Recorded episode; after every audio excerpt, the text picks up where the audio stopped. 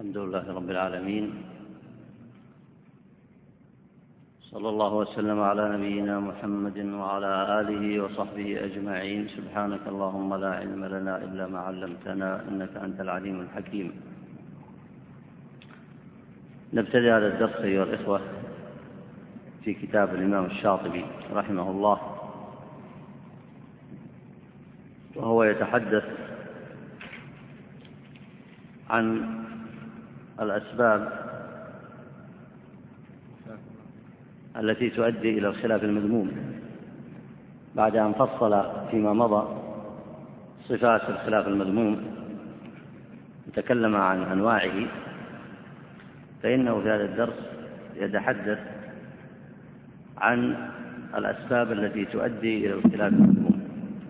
وقد سبق الكلام في السبب الأول وهو أن يعتقد الإنسان في نفسه أو يعتقد فيه أنه من أهل العلم والاجتهاد في الدين ولم يبلغ تلك الدرجة. فيعمل على ذلك ويعد رأيه رأيا وخلافه خلافا. ثم تكلم الإمام الشاطبي رحمه الله عن انتشار البدع وذكر الحديث الذي فيه ذكر الرويبضة وهم الذين يتحدثون في أمور العامة وهو الرجل التافه الحقير ينطق في أمور العامة كأنه ليس وهو ليس بأهل أن يتكلم في أمور العامة. وقد سبق الكلام على شرح هذه النصوص ثم تكلم بعد ذلك في ذكر كلام عمر بن الخطاب رضي الله عنه وبيانه للأصاغر. وذكر أيضا كلام ابن مسعود في قوله لا يزال الناس بخير ما أخذوا العلم من أكابرهم فإذا أخذوه عن أصاغرهم وشرارهم هلكوا. قال واختلف العلماء فيما أراد عمر بالصغار. اقرأ بارك الله فيك. بسم الله الرحمن الرحيم. والحمد لله رب العالمين وصلى الله وسلم وبارك على نبينا محمد وعلى آله وصحبه أجمعين. قال المصنف رحمه الله واختلف العلماء فيما أراد عمر بالصغار فقال ابن المبارك هم أهل البدع وهو موافق لأن أهل البدع أصاغر في العلم ولأجل ذلك صاروا أهل بدع. وقال الباجي يحتمل أن يكون الأصاغر من لا علم عنده. الباجي من أصحاب الإمام مالك رحمهم الله. وكلامه هنا مطابق لكلام ابن المبارك. قال الأصاغر هم, هم من لا علم عنده. والإنسان إذا كان لا علم عنده هذه ليست تهمة له لأنه يجب عليه أن يسأل ويتبع العلم. لكن الفتنة أن يكون لا علم عنده ثم يتكلم بغير علم. فإذا تكلم أحد لا علم عنده تكلم بغير علم فقد فتح على نفسه باب الأهواء. فكلامه هنا من جنس كلام ابن المبارك. قال ابن المبارك الأصاغر هم أهل البدع. يقصد وإن كانوا كبارا في السن وإن كانوا كبارا في السن. إي نعم اقرأ بارك الله فيك. قال وقد كان عمر يستشير الصغار وكان القراء أهل مشورته كهولا وشبانا. يريد يستدل بهذا بما ثبت عن عمر رضي الله عنه من أنه كان له مجلس شورى يعرض مسائل العلم على مجلسه الشوري وكان في مجلسه هذا صغار الصحابة وكبار الصحابة. فيريد المصنف هنا يستدل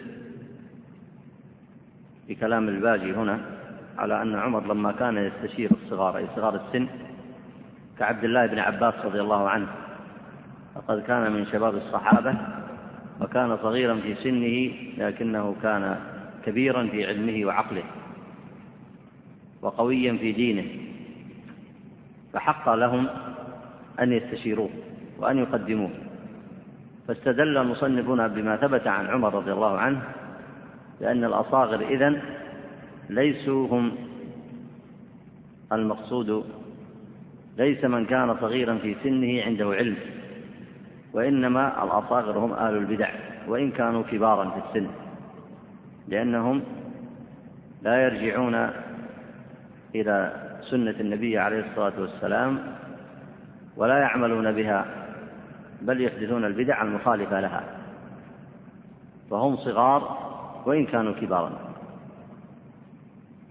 وأما من عنده علم وتقوى فإنه من أهل الحق من أهل العلم. ممن يسأل فينتفع بعلمه وممن يستشار فينتفع بمشورته. كما كان عمر رضي الله عنه خليفة المسلمين يستشير صغار الصحابة مثل عبد الله بن عباس رضي الله عنه فقد كان صغيرا في سنه وكان في مجلس مشورة عمر رضي الله عنه مع كبار الصحابة. أي نعم. قال ويحتمل أن يريد أن يريد بالأصاغر من لا قدر له ولا حال. ولا يكون ذلك إلا بنبذ الدين والمروءة. فأما من التزمهما فلا بد أن يسمو أمره ويعظم قدره. أي نعم يسمو أمره آه، لا بد أن يسمو أمره ويعظم قدره لأنها لأنه عنده العلم بالسنن. ومن كان عنده العلم بالسنن سما قدره وعظم أمره. والأدلة على ذلك كثيرة. أولا ما ذكره المصنف هنا من أنه كان في مجلس مشورة عمر رضي الله عنه صغار الصحابة ومنهم عبد الله بن عباس وعبد الله بن عمر وعبد الله بن عمرو بن العاص. منهم من كان في مجلس عمر ومنهم من كان من أهل العلم من الصحابة وإن كانوا أصغر من غيرهم. السلام عليكم. الدليل الثاني مما هو معروف في زمن التابعين فقد كان فيهم من أهل العلم كثير. ومن ومما جاء من بعد التابعين الإمام الشافعي فقد أفتى ودرس وعمره ثمانية عشر عاما. وكان في عهده أئمة الإسلام أمثال الإمام أحمد ومالك بن أنس ومن كبار التابعين وأهل الحديث وقد أقروه على ذلك مع صغر سنه وذلك لأن الله عز وجل عظم قدره بما عنده من العلم فسمى أمره وظهر. فإذا المراد بالأصاغر من لا علم عنده وإن كان كبيرا. وأما من كان عنده علم بالسنة فقد شرفه الله بها فهو من أهلها التي تؤخذ عنه. وما علمه عن السلف رضوان الله عليهم واتبعهم عليه شرفه الله به وإن كان صغيرا في سنه. نعم. ومما يوضح هذا التأويل ما خرجه ابن وهب بسند مقطوع عن الحسن. قال العامل على غير علم كالسائر على غير طريق. والعامل على غير علم ما يفسد أكثر مما يصلح.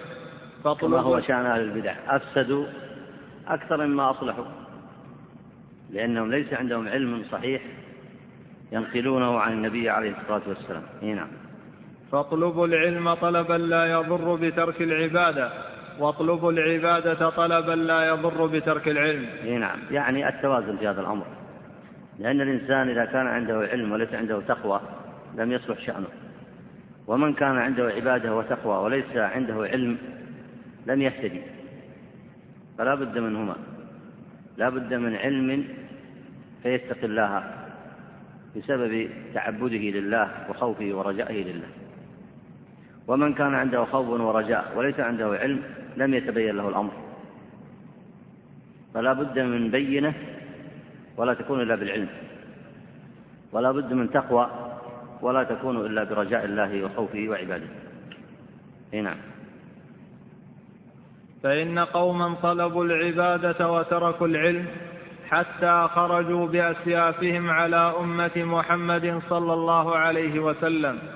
ولو طلبوا العلم لم يدلهم على ما فعلوا يعني الخوارج والله أعلم لأنهم قرأوا القرآن ولم يتفهموا حسب ما أشار إليه الحديث يقرؤون القرآن لا يجاوز تراقيهم.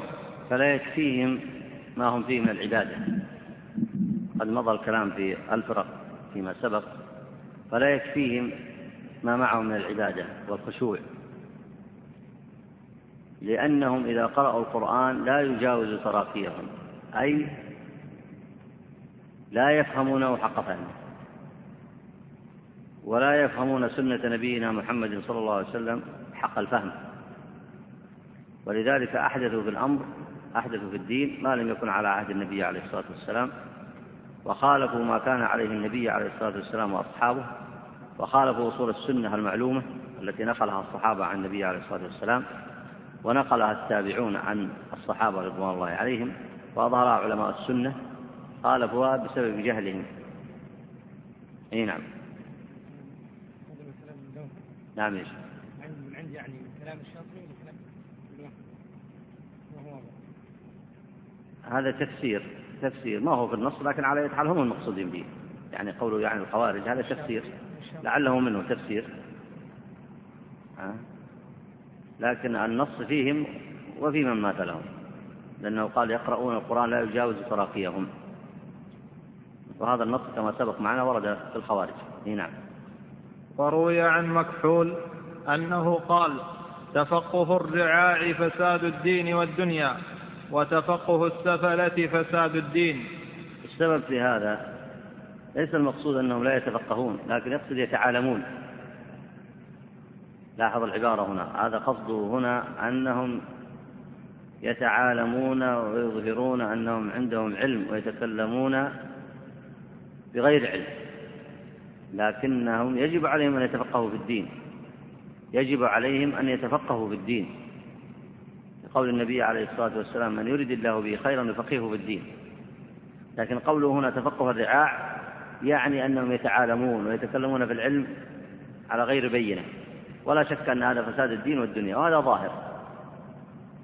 هذا ظاهر بين تتبع الإنسان كثير من العصور يجد أناس تكلموا في العلم ومعهم عجمة لا يعرفون لغة العرب ومعهم جهل لا يعرفون السنن. فتكلموا فيه وأظهروا التعالم وليس عندهم علم بالسنة. وكان في ذلك فساد الدين والدنيا. وقوله تفقه السفل فساد في الدين لأنهم لا حياء لهم. لا حياء لهم. يطلبون الدنيا بالدين. يطلبون المال بالدين ويطلبون المناصب بالدين ويطلبون الشهوات بالدين وهم سفلة في حقيقتهم لأنهم نزلوا بالعلم إلى إلى إلى أسفل السافلين اتخذوا العلم طريقا للتكسب في الدنيا والتسابق فيها. ولا شك أن أن أن هذا وصف ذميم لأن الناس لو اتخذوا الدنيا وتسابقوا فيها في أموالها تجاراتها ومناصبها بغير حق لذمهم الناس. يعني لو أن الإنسان سابق الناس في الدنيا أو في المناصب والجاه لكن بظلم وعدوان لكان مذموما وكان فعله شرا. فكيف إذا سابقهم على ذلك بالدين؟ كيف إذا اتخذ الدين سبيلا لذلك؟ فلا شك أن ذلك فيه فساد عظيم. ولذلك كان الذين تفقهوا بالعلم من خيار الناس في عهد الصحابة ومن التابعين ومن تابع التابعين. وحتى وإن كان فيهم أناس من الموالي لكن كانوا أناسا كراما. والإنسان إذا كان كريما عفيفا صادقا شجاعا فإنه إذا كرمه الله بالعلم لا يستخف به ولا يستعمل في غير موضعه. وأما إذا كان الإنسان لا خلق له من السفلة فإنه لا يفرق بين العلم وبين الوسائل الأخرى التي يصل بها. فكما يصل الناس إلى مقاصدهم وأموالهم وتجاراتهم ومناصبهم يصلون إلى ذلك بالحيل في الأعمال الدنيوية فهذا أيضا يستعمل الدنيا للحيل للوصول إلى أغراضه. لكن الإنسان إذا كان معدنه كريم لا يصنع ذلك بل يفرح بنعمة العلم ويشعر بتكريم الله له ويحفظ هذا العلم فيحفظه الله به. ولذلك ما ذكر هنا إنما نهي هؤلاء لأنهم يستعملون الدين والعلم في غير موضعه نعم. وقال الفريابي كان سفيان الثوري إذا رأى هؤلاء النبط يكتبون العلم تغير وجهه. فقلت يا أبا عبد الله أراك إذا رأيت هؤلاء يكتبون العلم يشتد عليك؟ فقال كان العلم في العرب وفي سادات الناس. وإذا خرج عنهم وصار إلى هؤلاء النبط والسفلة غير الدين. للمعنى السابق لأنهم يتخذونه للتسابق على أمر الدنيا وهم سفلة لا أخلاق لهم. لكن الذين طلبوا العلم في الزمان الأول كانوا كراما في سادات الناس فكانوا معروفين بالكرم والشجاعة والخير والسعي في مصالح الناس. وكانوا معروفين بحسن الخلق فمثل هؤلاء إذا إذا كرمهم الله شرفهم الله بالعلم انتفعوا به. لكن بعكس الذين يستخدمونه لأغراضهم الدنيوية. وهذا لا يعني أنه ليس في العجم رجال طلبوا العلم وصدقوا. ففيهم رجال لكنهم لما كانوا رجالا حقا فإنهم انتفعوا بما عندهم من العلم ولم يكونوا شرا على الأمة. وإلا فإن آه، مولى بن عباس كان هو الذي يفتي وكان من العجم وكان هو الذي يفتي الناس في الموسم في مكة أكثر من عشرين عاما. وعد أهل العلم فوجد منهم خلق كثير كلهم من الموالي. لكن هؤلاء كان خالطوا الناس فعرف الناس منهم الصدق والوفاء لهذا الدين. فلما تعلموا العلم وضعوه في مواضعه. وأما كثير من الخلق إذا اشتغلوا بالعلم وضعوه في غير مواضعه فأفسدوه. وهذا لا شك منهج قوي عند علماء الأمة.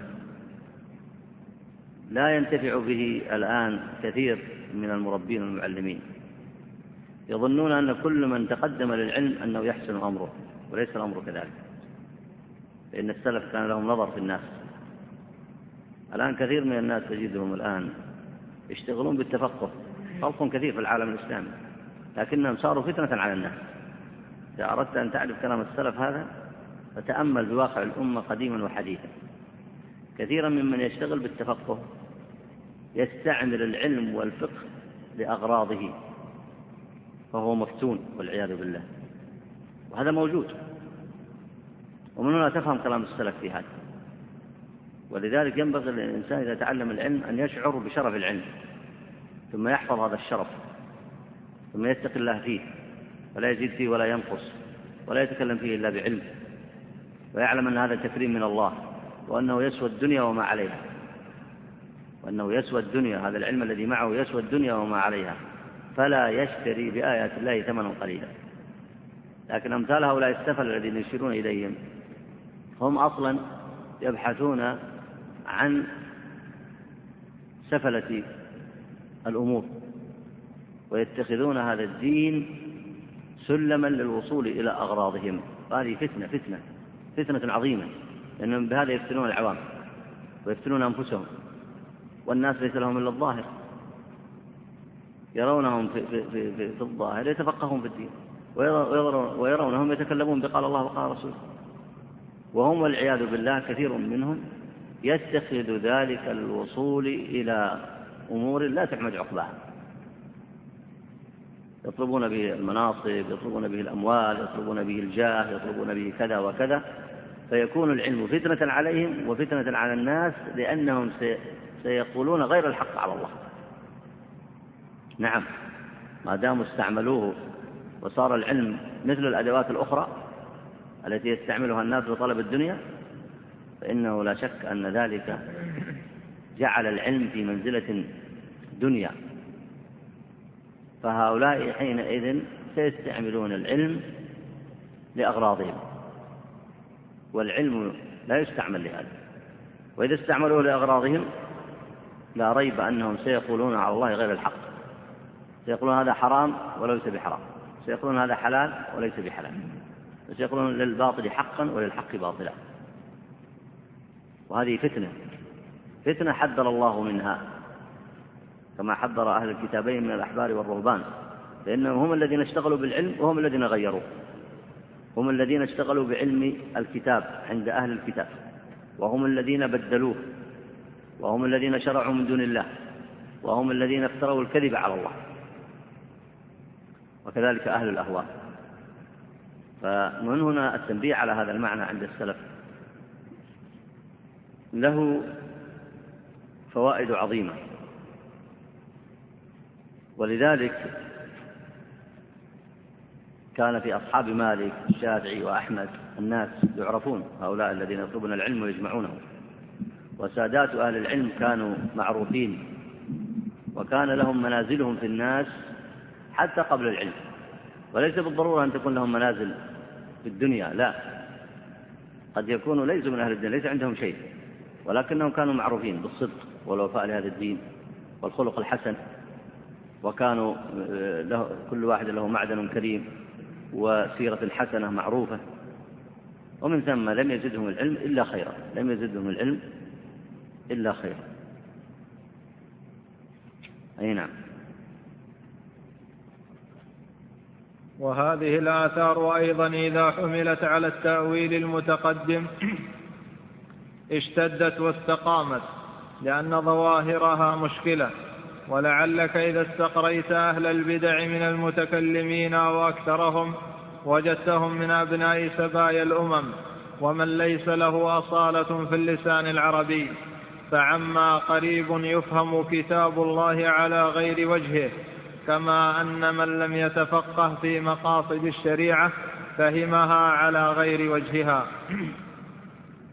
والثاني من أسباب الخلاف اتباع الهوى ولذلك سمي أهل البدع أهل الأهواء لأنهم اتبعوا أهواءهم فلم يأخذوا الأدلة الشرعية مأخذ الافتقار إليها والتعويل عليها حتى يصدروا عنها بل قدموا أهواءهم واعتمدوا على آرائهم ثم جعلوا الأدلة الشرعية منظورا فيها من وراء ذلك. وأكثر هؤلاء هم أهل التحسين والتقبيح ومن مال إلى الفلاسفة وغيرهم ويدخل في غمارهم من كان منهم يخشى السلاطين لنيل ما عندهم أو طلبا للرياسة فلا بد أن يميل مع الناس بهواهم ويتأول عليهم فيما أرادوا حسب ما ذكره العلماء ونقله الثقات من مصاحب السلطان. هذا لا شك من أسباب اتباع الهوى وهو السبب الثاني. واتباع الهوى مذموم في كتاب الله. قد سبق معنا في أول هذا الكتاب ما ذكره ابن عباس من أن الهوى ما ذكر في موضع في القرآن إلا وقد ذم. ولذلك أخذ الإمام الشاطبي في كتابه الموافقات يبين مقصدا من مقاصد الشريعة. وأن من مقاصدها إخراج الإنسان عن داعية هواه. لأن الهوى لا ضابط له. الهوى لا ضابط له. فالإنسان يجعل الشيء يوما حراما ويوما حلالا. وأهل الأهواء يجعلون الشيء مشروعا ويوما ممنوعا. وإذا دخل الناس في التشريع بأهوائهم أحلوا ما حرم الله وحرموا ما أحل الله. والأهواء في البشرية كما هو معلوم هي الذي أنتجت كل شر. إذا جئت للمذاهب المشهورة في البشرية قديما وحديثا إنما أنتجتها الأهواء. ومن أضل ممن اتبع هواه بغير علم من الله. من أضل أي لا, أضل لا أحد أضل منه. لا أحد معنى من أضل أي لا أحد أضل منه. لأنه لا ينتهي عند حد. ولذلك تأملوا كلام الإمام الشاطبي في كتاب الموافقات يقول من مقاصد الشريعة إخراج المكلف عن داعية هواه حتى يأخذ الأحكام الشرعية من تحت إذن الشارع. وما جعله الله واجبا فهو واجب وما جعله حراما فهو حرام وجعله مندوبا فهو مندوب وما جعله مكروها فهو مكروه وما جعله مباحا فهو مباح.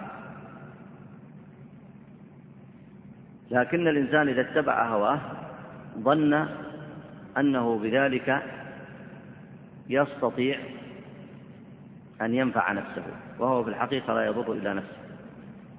وكما سلف ما من فساد في البشرية إلا وسببه اتباع الهوى.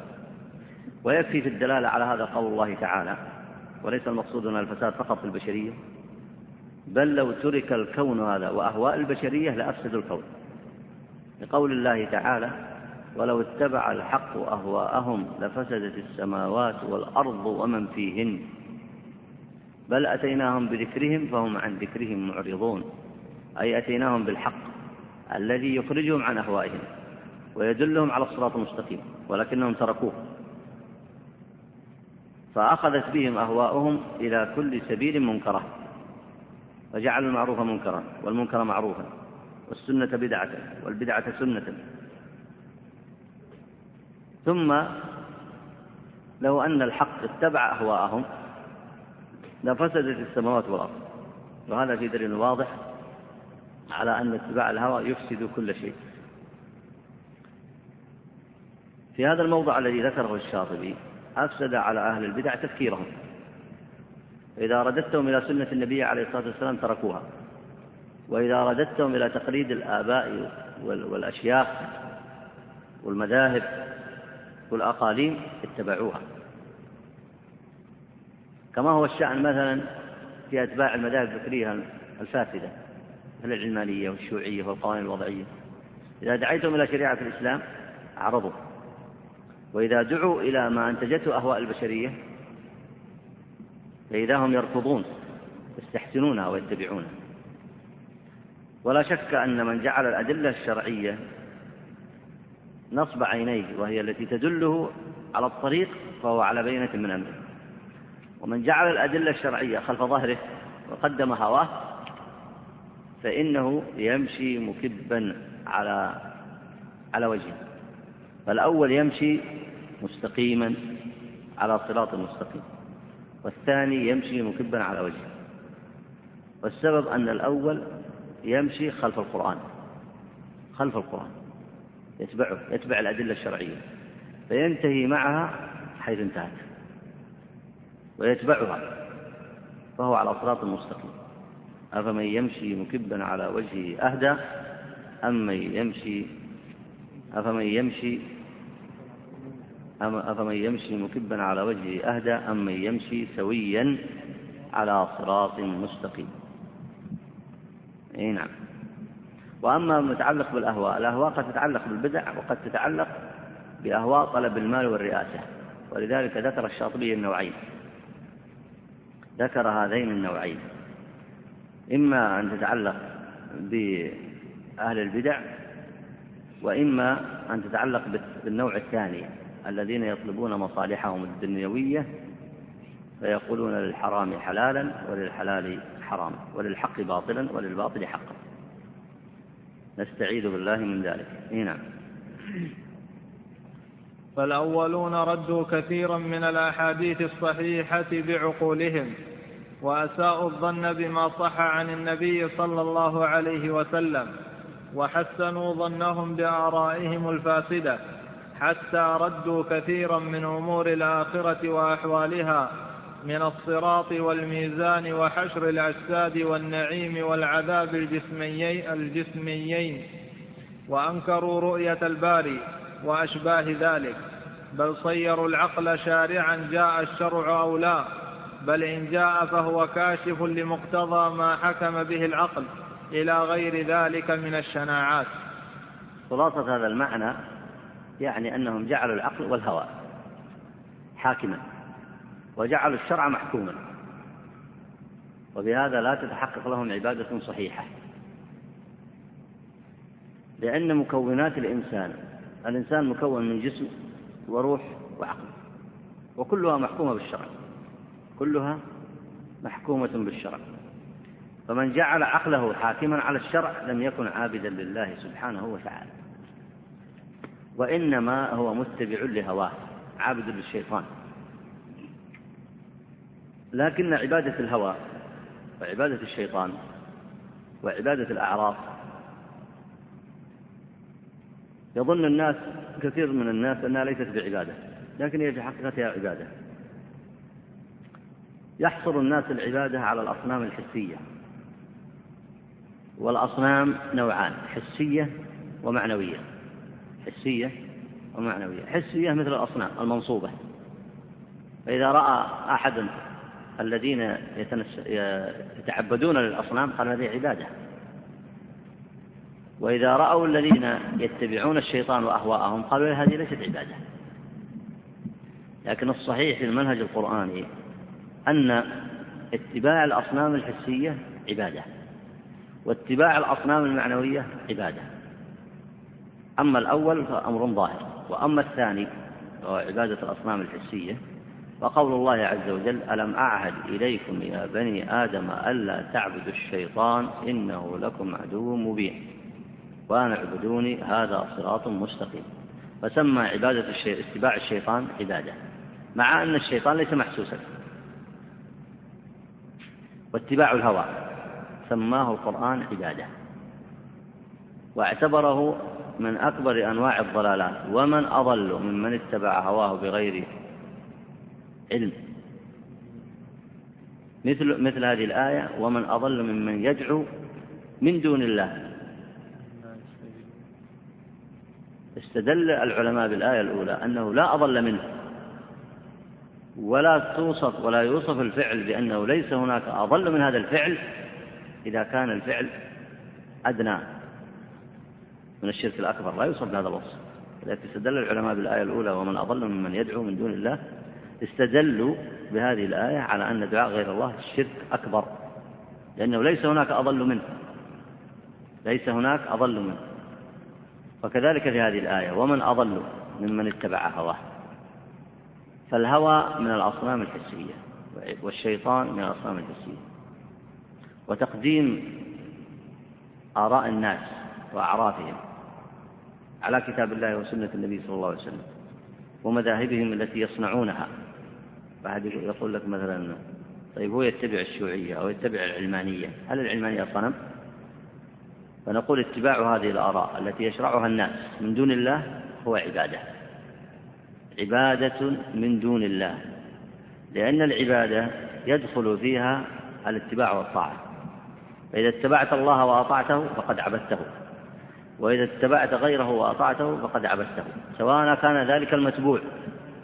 صنما محسوسا حجرا شجرا أو كان من عباد الله الصالحين كالملائكة والأنبياء فتلك عبادة شركية. وكذلك إذا اتبعت وأطعت غير الله عز وجل من دون الله فتلك عبادة شركية.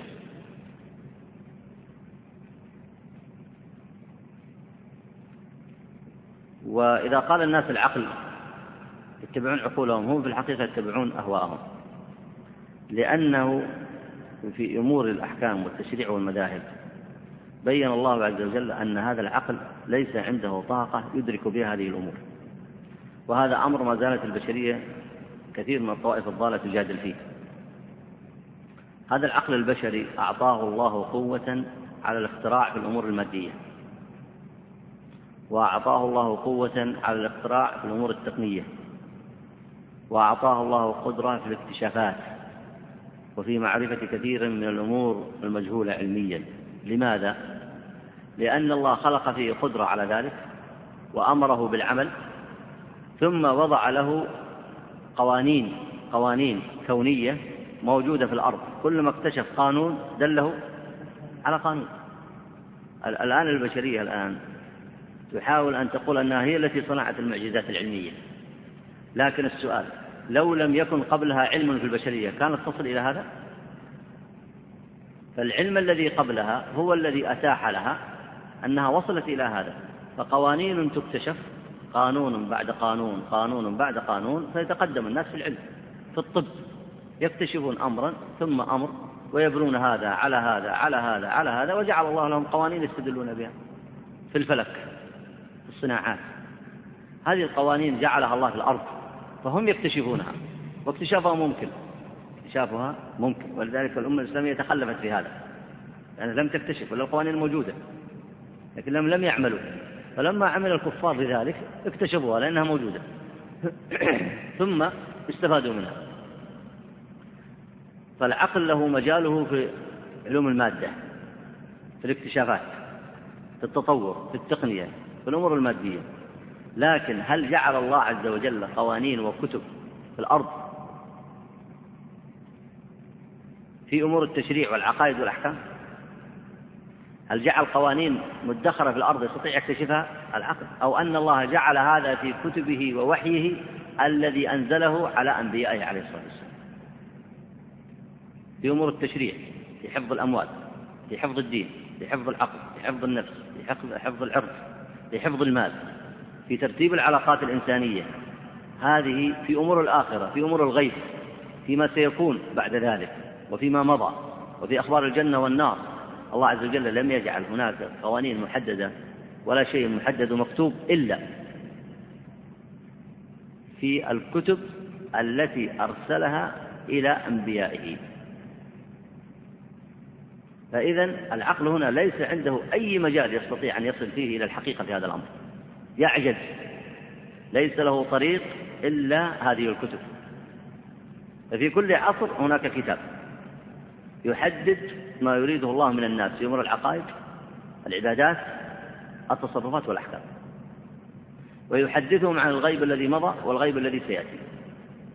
فإذا أخذوه من ذلك الكتاب اهتدت عقولهم. وإذا ذهبوا يبحثون عنه في أماكن أخرى لن يصلوا إلى شيء لن يصلوا إلا إلى الأهواء والضلالات فلما ختم الله الرسالة بالنبي عليه الصلاة والسلام جعل محكمات الرسائل السابقة وأصولها الموجودة جمعها الله في القرآن وأوحاها إلى النبي صلى الله عليه وسلم في السنة. فكانت هي المصدر الوحيد لمعرفة مراد الله في العقائد والعبادات والمعاملات وأخبار الغيب فيما مضى وفيما سيأتي. ليس هناك كتاب تستطيع أن تصل إليه إلا هذا. ثم كتب الله عز وجل على الكتب الباقية التبديل. لأنه لم يكتب لها البقاء فإذا العقل في الأمور المادية يكتشف لأن عنده قوانين موجودة في الأرض لكن في أمور العقائد والأحكام من أين يأتي؟ من أين يأتي بالعقائد؟ من عند ستالين يأتي بالعقائد؟ ولا من عند ماركس؟ ولا داروين؟ من فين يأتي؟ ولا من عند حكماء العرب في الجاهلية؟ جالسين جنب الكعبة يعبدون الأصنام ويشرحون الأحكام من فين يأتي العقل؟ من أين يأخذ العقل العقيدة الصحيحة؟ الأحكام في العبادات، الأحكام في العبادات من أين يأخذها؟ من اللي يشرعون القوانين الوضعية؟ من أين؟ من اللي شرعوا الإباحية في الغرب؟ وأباحوا والعياذ بالله ما لم يبحه يعني قوم لوط لما أتوا الفاحشة ما عمموها ولا كتبوها في كتاب الغرب الآن يكتبها في كتاب ويعممها يعممها يجعلها نظام يعني أفعالهم أقبح من فعلهم. وقوم لوط لما أباحوا الشذوذ الجنسي لم لم لم يعتبروا أن الرجل والرجل يكونان أسرة. لكن الذين هم كالأنعام بل هم أضل ينادون إلى تكوين أسرة من رجل ورجل. فمن الذي سيضع القواعد؟ ومن الذي سيضع الأحكام؟ هؤلاء الضلال؟ هؤلاء كما قال الله لو مكنوا في الأرض ولم يبق إلا هم وتولوا ما هو أمر الأرض؟ لفسدت السماوات والأرض ومن فيهن. ولولا بقية من أهل التوحيد والصلاة يقاومونهم لأفسدوا الأرض كلها.